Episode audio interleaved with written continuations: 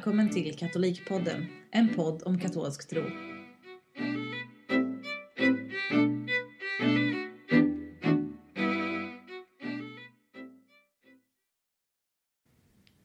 Välkomna till ännu ett avsnitt i Katolikpodden.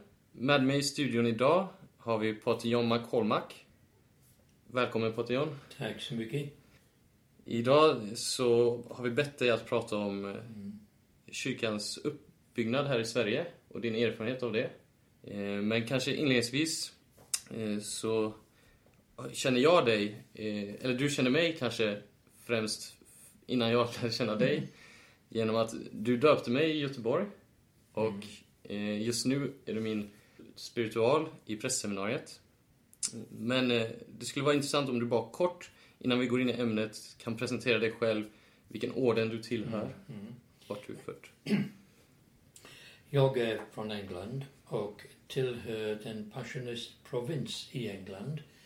Eh, Passionisterna ehm, har arbetat här i Sverige sedan 1950 och jag blev prästvigd 69 och i 1973 skickades jag hit för att ansluta mig till den här gruppen.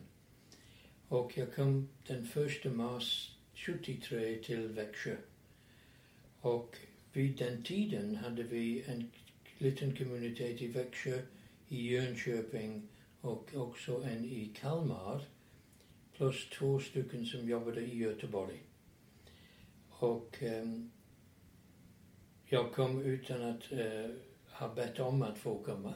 Mm. Och utan att kunna ett ord svenska. Oj. Så min första uppgift var att lära mig språket. Och jag gick till ett, eh, en skola som heter Kursverksamhet. Som var en filial av Lunds universitet i Växjö. I Växjö? Mm. Och jag läste från första, nej, omkring den 14 mars till slutet på juni. Och jag gick i den skolan. Oj, knappt ett halvår. Knappt en halvår och sen jag var så att säga ensam. Jag måste fortsätta själv. Mm. Yes. Ehm, när jag kom till Sverige hade vi ja, vårt stift. Um, vårt stift var 20 år gammalt. Den hade grundats 53. Och vi hade 26 församlingar. Uh, nu har vi 44. Så under dessa 45 år har vi växt nästan fördubblats när det gäller antal församlingar. Um, vid den tiden var kyrkans uppgift, prästernas och systrarnas uppgift, att etablera eh, kyrkan, att skapa församlingar. Mm. Och det var en pionjärarbetet. Min, mina medbröder som kom i början på 50-talet hade kommit till eh, Småland. Vi passionister från eh, England hade ansvar för Småland. Och det fanns en församling i Jönköping, ingen kyrka. Och ingenting annat. Mm. Ehm, när, I f- 1950 hade Sveriges stift 13 församlingar. Så när du säger församlingar, menar du då även församlingshem och församlings, en kyrka eller bara Nej, jag menar ett juridiskt område. ett juridiskt område? Så ni- det fanns inte byggnader? Vissa hade sina kyrkor, men man tänker på Örebro Mm. som hade en kyrka redan under 30-talet som var ett mirakel att de kunde bygga en katolsk kyrka i Örebro. Oj. En liten kyrka där. Men eh, i Småland, som var inte alls utvecklad, hade de ingenting. Tills vi kom hade katolikerna i Växjö mässa en gång om året när en präst åkte upp från Malmö. Oj. Och en präst som gjorde det var Johannes Koch, som senare blev domprost Ah. i Stockholm. Han var här i många, många år. Så att eh, vi hade ansvaret för Småland och meningen var att eh, vi skulle samla katolikerna. I 68 hade vi byggt en kyrka i Växjö men under min tid, början på 70-talet, ibland hade vi bara 12 stycken som kom till mässan. Oj. Många katoliker bodde utanför Växjö så varje söndag åkte vi präster ut till olika ställen där vi hade mässa. Äh, Växjö församling vid den tiden var Kronobergs län, Kalmar och Öland. Ehm, och jag minns att vi hade i, från Växjö vi åkte till Ljungby, Älmhult, Strömsnäsbruk, eh, Tingsryd, um, Lessebo, Lenhult och ett litet ställe som heter, eh, oh, jag har glömt namnet på det nu, vi åkte en gång i månaden och firade mässan i Folkets hus. Det, det var bio också. bio. och i Lessebo firade jag mässan i brandkårens hus. Brandkårens. Därför att det fanns inget ställe då, Svenska kyrkan var inte så öppen för oss då. Mm. Um, och ibland firade vi mässan i hus hos en familj. Men hur, hur, hur många talar vi om då i dessa yttre områden? I Växjö var det, kunde det komma 12 stycken, men... Ja, just det. Um, I vissa områden, till exempel i Ljungby, vi kunde ha 20-25 stycken. Mm. Det fanns också en grupp ukrainare som hörde till den grekisk-katolska kyrkan. Mm. Och de fick besök av en egen präst två eller tre gånger om året. I Älmhult vi hade en liten grupp och jag minns en gång jag åkte ut och ingen, den enda som kom var den lutherska kyrkoherden som aldrig hade upplevt en katolsk mässa. Oj. Så trodde han skulle fira och han var den enda som kom. Så vi firade mässan. Jag hade en av Passionets syster med mig. De, de kom 75. Ah, okej. Och sen i Strömsnäsbruk hade vi en liten grupp. Den, den upphörde så småningom. De var gamla polacker som kom efter kriget. Mm. De första katoliker i, i Småland var ofta polska eh, katoliker som hade kommit efter kriget, därför det var kaos. Mm. Och vissa hade kommit med vita bussarna. Och vissa hade Oj. kommit som väldigt sjuka människor och fick, eh, blev omhändertagna av Sverige och svenska eh, hälsovård och så. Ehm, och sen 56 fick, 56 fick vi eh, en hel del katoliker från Ungern. Oj. Och under 60-talet kom en hel del från Kroatien. Och de var ofta människor som hade lämnat dåvarande Jugoslavien och eh, bosatte sig eh, i, i, i Sverige. Så det var en blandad grupp. Hade väldigt, jag tror inte vi hade, jo under min tid hade vi en svenska i, i Växjö. Jag var fem år i Växjö och sen två år i Kalmar. I Kalmar hade vi en liten grupp men det var svensk. De allra flesta var svenskar. Konvertiter då? Ja. Mm. Mm. Det var en liten församling. Vi hade, som i Växjö, vi hade um, köpt en villa och på första våningen hade vi ett kapell och ett, en sal för församlingen och ovanpå på andra våningen bodde prästen. Mm. Och många församlingar började på det sättet. Ehm, det var så att uh, kyrkan hade inga pengar då. Vi litade mycket på tyskarna. Och sen vi engelsmän, vi hade en organisation i vår provins som samlade pengar för oss. Och varje år när vi åkte på semester vi fick gå till en församling och predika i alla mässor och tigga pengar för Sverige. Och eh, på det sättet vi, vi eh, utvecklade verksamheten. Eh, I Jönköping hade de inte en kyrka. Den församlingen hade grundats av dominikanerna. Och vi tog över i 1953, tror jag det var. Um, den var en stark församling. Vi hade många katoliker där. Det var utlänningar för det mesta. Och de fick höra sig in i Sofia kyrka. De hade väldigt fina relationer med den kyrkan. Och um, så småningom, 74, fick de den nuvarande kyrkan, 74. Jag, var, jag minns jag var där för invigningen med biskop Taylor. Så du bodde aldrig där? Du bodde... Jag bodde aldrig i Jönköping. Besökte ofta, men uh, uh, bodde endast i Växjö och sen i Kalmar. Mhm. Ehm, och vid den tiden minns jag att um, Göteborgs församling sträckte sig från Kungsbacka till norska gränsen. Oj. Och sen österut till Borås. Borås församlingen fanns. Och sen norr om Borås det fanns Lidköping. Skövde hette den, Skövde församling. Ehm, men Göteborgs församling var en riktigt lång församling då. Uppsala vid den tiden var en del av Eugenia församling. De, Mm. Det var inte egen eh, församling alls. De hade inte den här kyrkan som de har nu. Mm. Och så var det. Jag minns jag vikarierade i Halmstad. Och de hade en gammal kyrka i Oskarström. Och i Halmstad, en lägenhet, de firade mässa i en lägenhet. Eh, och de hade en sovrum där för prästen och eh, nu har de en egen kyrka. Och så var det lite varstans över... Var en av våra präster var i um, Olofström, inte Oskarström, Olofström i Blekinge i 20 år. Och uh, han hade en lägenhet, men mässan firades i Volvohallen. Volvo hade en fabrik. Och i södra hallen hade de mässan i nästan 20 år. Och många av dessa unga, de döptes, firade första kommunion och konfirmation utan att någonsin ha varit i en katolsk kyrka. Det var Volvohallen. nu har de egen kyrka. Därför att allt eftersom vi växte förminskade framförallt frikyrkorna och vi kunde köpa deras kyrkor som de inte kunde behålla. N när började detta? Det, måste, det började på under 80-talet. Så 50, 60, 70-talet så lånade ni mycket... Ni hade liksom ett centrum, Ja. en församling med stort. Eh, område att täcka. Mm. Så ni, och så åkte ni till hallar och... Eh, Ja, och, och, och lägenheter. Och sen så småningom fick vi låna kanske församlingshemmet från en svensk församling. okej.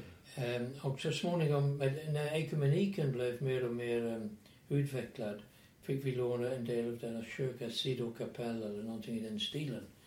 Men vi ofta fick lov att använda kyrkan så länge vi inte använde rökelse. Mhm. Det var ett villkor. Oj, varför då? Ja, jag tror de vill inte ha den katolska lukten. Så. I Jönköpings församling hade de nio stycken mässtationer ute i Jönköpings län. Oj. Och vi hade ett kapell i Tranås vid den tiden. Jag vikarierade där en gång. Den helige Gabriels kapell. Och det var också en villa.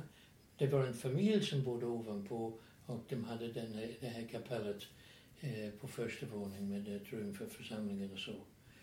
Ehm, så, och sen förstås, det fanns ställen där vi hade mässor i Kronobergs län som före min tid hade stängts därför att katolikerna hade flyttat. Mm.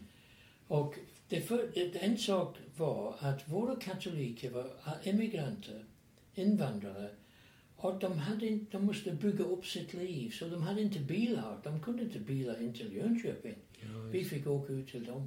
Det var, det var anledningen till att vi hade så många av dessa utestationer. just det. Och men ni, hade ni bil då? Eller hur vi, hade, vi hade bil, vi hade en, em, en Beetle. Den där Volkswagen Beetle. Ja, De, var, de var väldigt fina faktiskt, därför att de var tuffa. Och de, de, man kunde gå i, i kallaste vinter med dem mm. De var väldigt fina. De var inte roomiga, det, det, det var trångt, lite trångt. Men vi hade dem. Um, och sen, ja, vi försökte, när Passionistsystrarna kom, det var fyra stycken, och vi fick en lägenhet för dem. Och de kunde visa upp ordens liv på ett helt annat sätt än vi präster. För många var vi präster på sätt och vis som lutherska präster i att vi hade en församling, Mm församlingsverksamhet. Mm. Och vår uppgift var att grunda och bygga upp församlingen. Inte så mycket i ordens liv, men att systrarna kunde bygga upp ordens liv. Och de försörjde sig genom att eh, ta kurser i engelska och franska.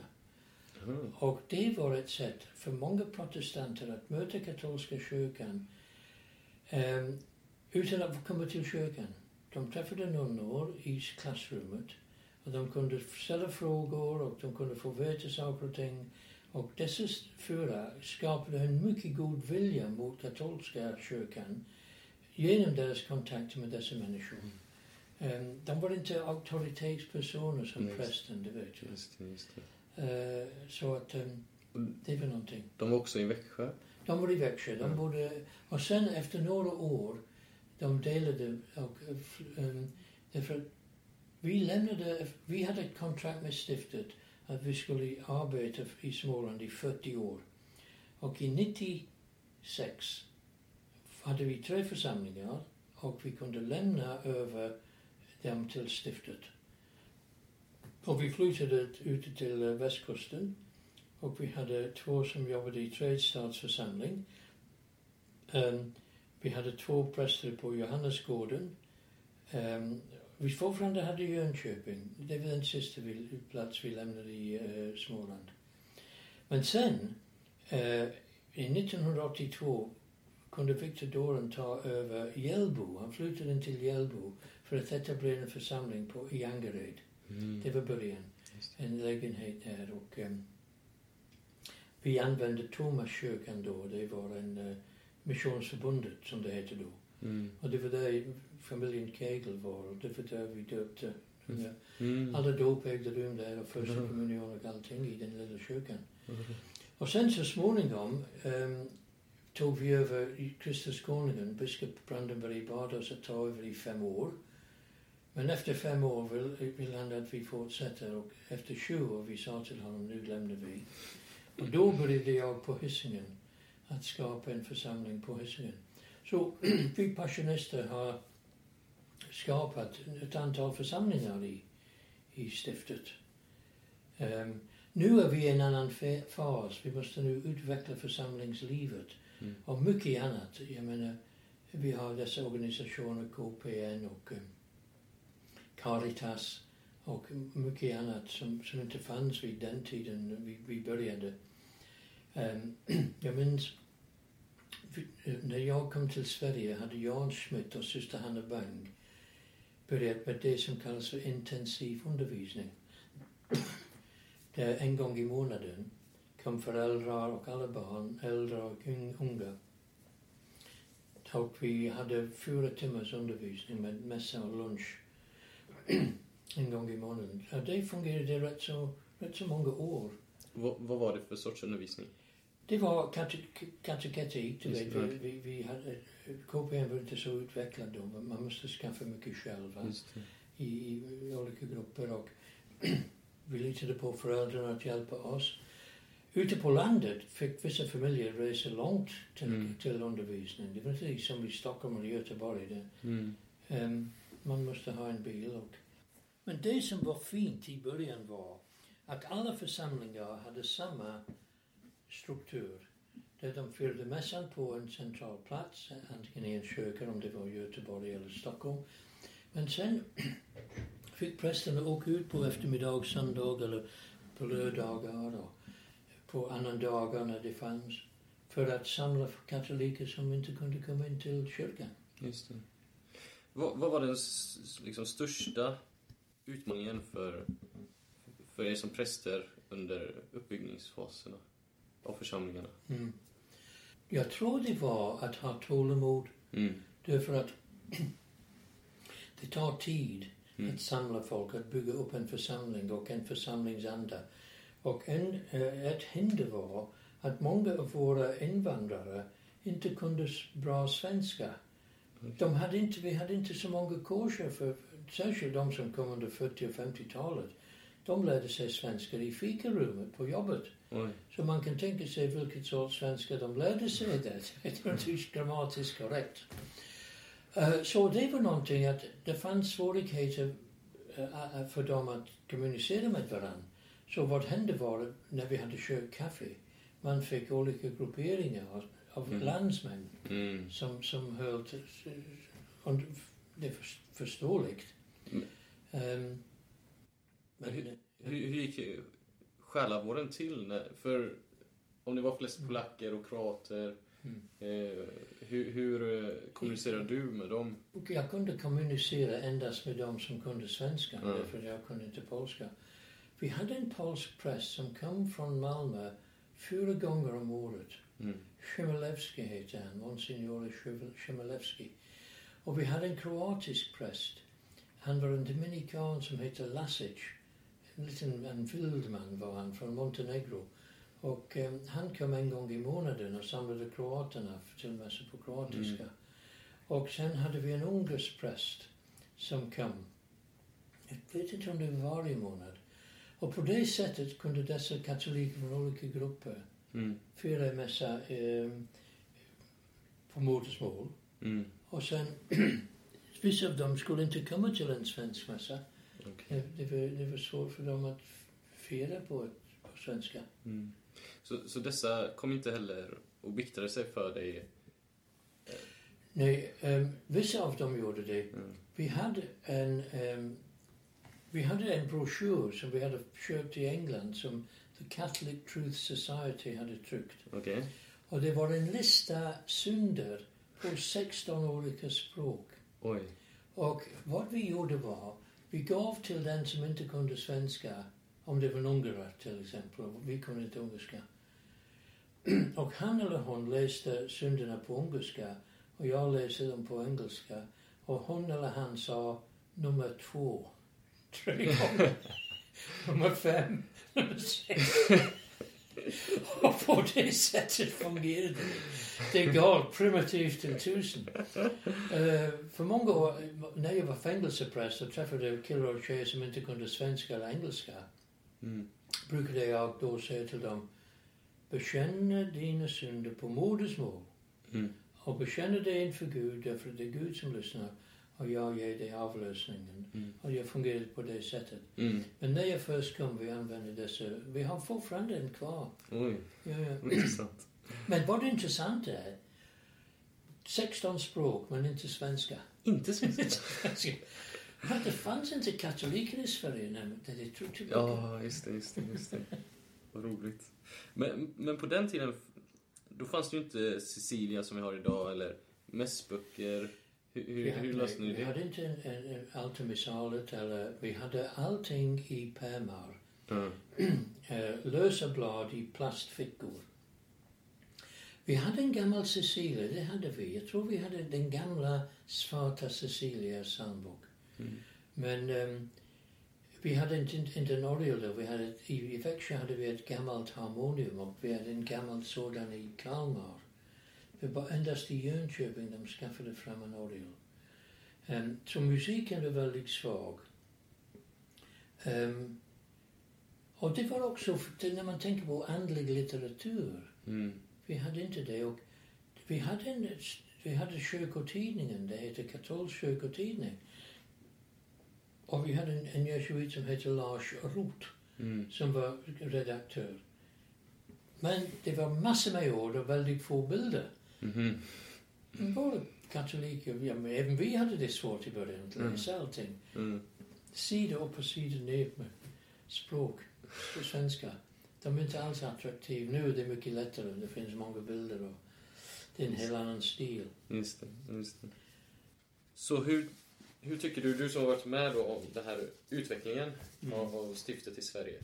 Hur tycker du eh, det har skett? På vissa sätt har det un- fungerat bra. Utvecklingen har blivit väldigt bra.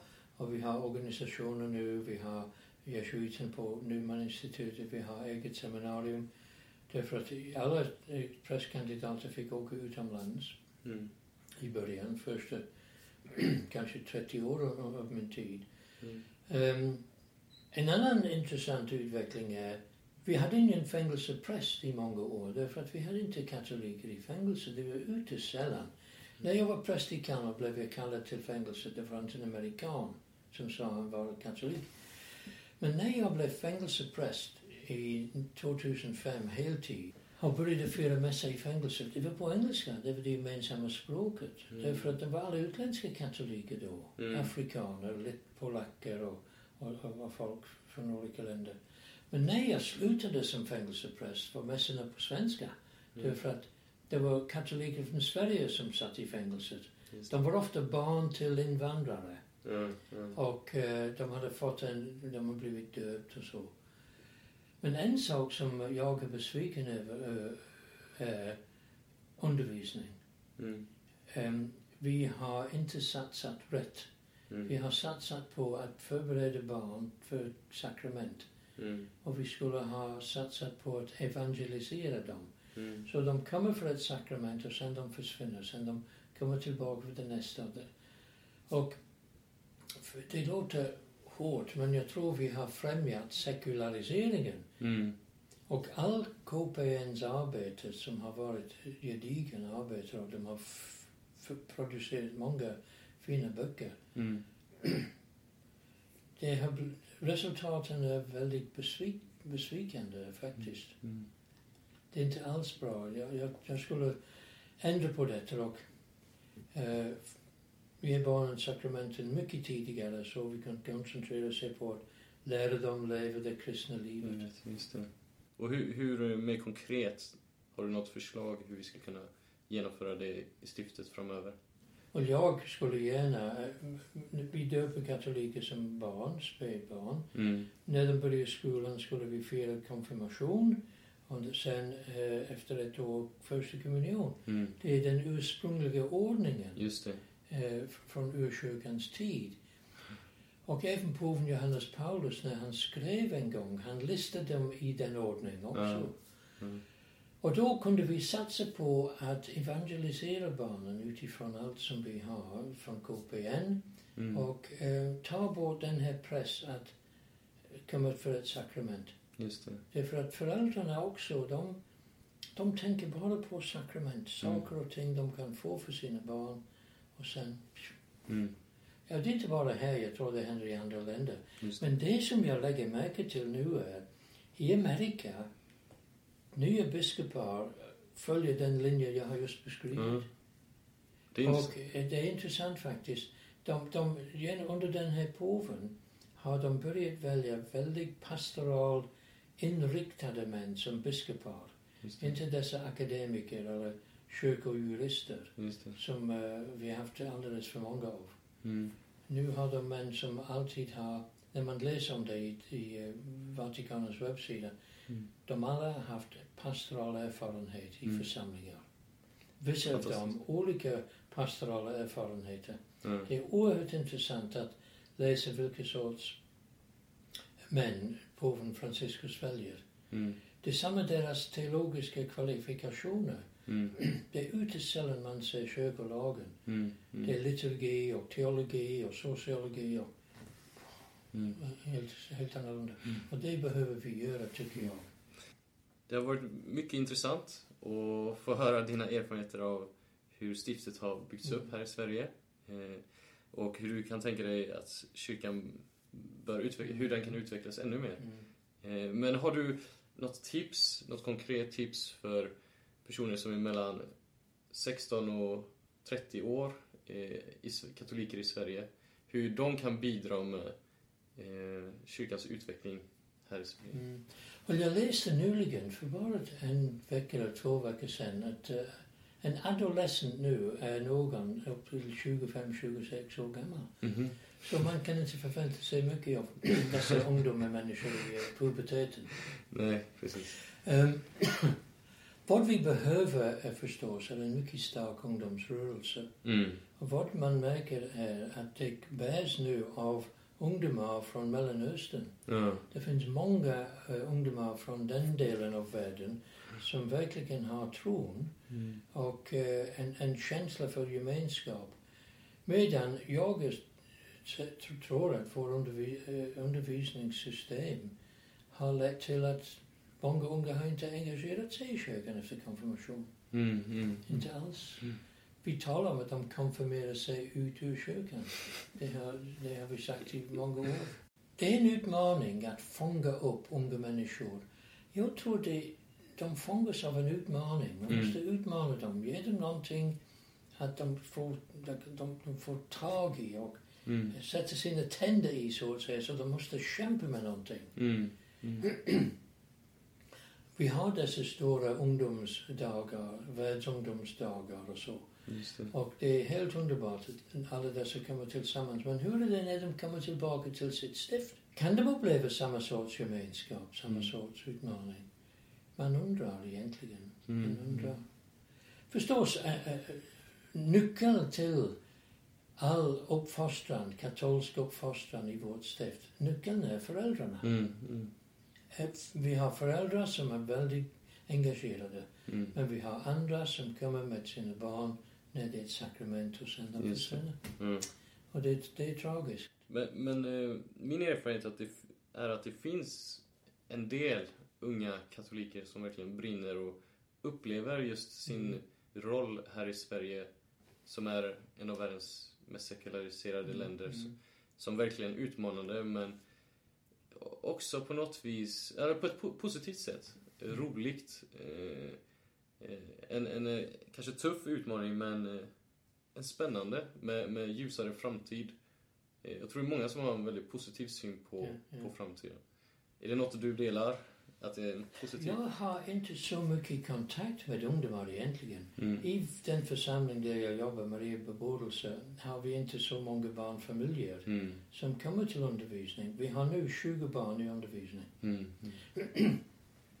Och det, vi, har bara, vi har tre grupper, vi har bara tre rum. Mm. Nu, jag har hjälpt i Eugenia med konfirmation. Där de har enorma grupper, alldeles för stora grupper. Man kan inte lära känna dessa unga alls. Och man märker att vissa är engagerade, vissa andra de, de, de är tvingade att vara där. De vill inte Mm. vara där. Ehm, så det finns en brist på balans. Och man, Mm. Min ideal är ge dessa unga sakramenten och sen de som är engagerade och är villiga att engagera sig kan man evangelisera, man kan göra någonting med dem. Just det. De grupper vi har nu alltid har med sig unga tjejer och killar som helst vill inte vara där. De är Mm. där därför att mamma och pappa tvingar dem. Precis. Och då förstör lite gruppdynamiken Ja, visst, och absolut, energin och absolut. så. Jag minns i Eugenia vi hade killar som satt där med överrock på hela tiden, caps ibland. Oj. De, de, hela kroppsspråket sa, jag vill inte vara här. Mm. Mm. De vill inte ens ta av sig överrocken eller... du vet. Mm. Nej. Men det, det låter faktiskt väldigt bra om eh, att på något vis skapa ungdomsgemenskaper där, och undervisning för de som verkligen driver eh, och brinner i tron. Eh, Mm. och för de som är intresserade. För Ja. det blir någon sorts positiv miljö och då blir det inte så mycket energi som går åt eh, de som inte är intresserade och Nej. inte vill vara där. Nej. Och att inbjuda, jag, jag hade en erfarenhet häromdagen. Jag blev inbjuden, jag och några andra seminarister blev inbjudna till eh, ungdomsgemens, ungdomsgruppen i domkyrkan. Och eh, då var det en av seminaristerna som tog med sig en av sina vänner som inte var, var troende. Eh, och i den här gruppen så är det ingen som kommer dit, tving, tvingas inte dit, utan det är en ungdomsgrupp eh, som träffas. Eh, så den leder inte till något, till konfirmationen eller något sakrament. Eh, och den här vännen till en av seminaristerna, han blev så chockad över den gemenskapen som fanns där. Han hade inte upplevt något liknande. Han verkligen drogs, alltså, Mm. han upplevde en dragning till det. Och, eh, och det är ju genom vår kärlek mellan varandra som eh, kan vara ett vittne Mm. för, för folk utanför kyrkan. Ehm, Så jag, jag, jag tror det låter som en väldigt smart idé. Ehm, Ja, det var intressant. Ja. mm. Mycket också beror på prästerna. Unga prästerna är de som kan bäst arbeta med ungdomar därför att de är nära dem i, i allting. Mm. Ehm, jag har ingenting emot att träffa ungdomar och tala med dem. Men att när jag först kom till Sverige var jag engagerad med ungdomar och åkte på läger och också konfirmationsläger och sov i sovsäckar och allt det där. Nu är jag för gammal för det. Så. Men mycket beror på om prästerna är villiga att engagera sig med ungdomar och har de um, uh, dygder egentligen, att Mm. tålamod och eh, ehm,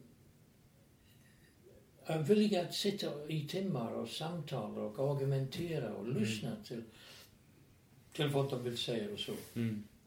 Hålla sig ajour med musiken och allting eh, som, som i den värld i vilken ungdomar rör sig och sådär. Mm. Tack så mycket Patrik att du ville ställa upp på den intervjun. Det har varit mycket intressant. Eh, Jag tror det här samtalet blir en uppmaning för oss alla där ute att be för mer ivriga Mm. präster eh, och för eh, ivrigare ungdomsgrupper. Och all välsignelse till er alla.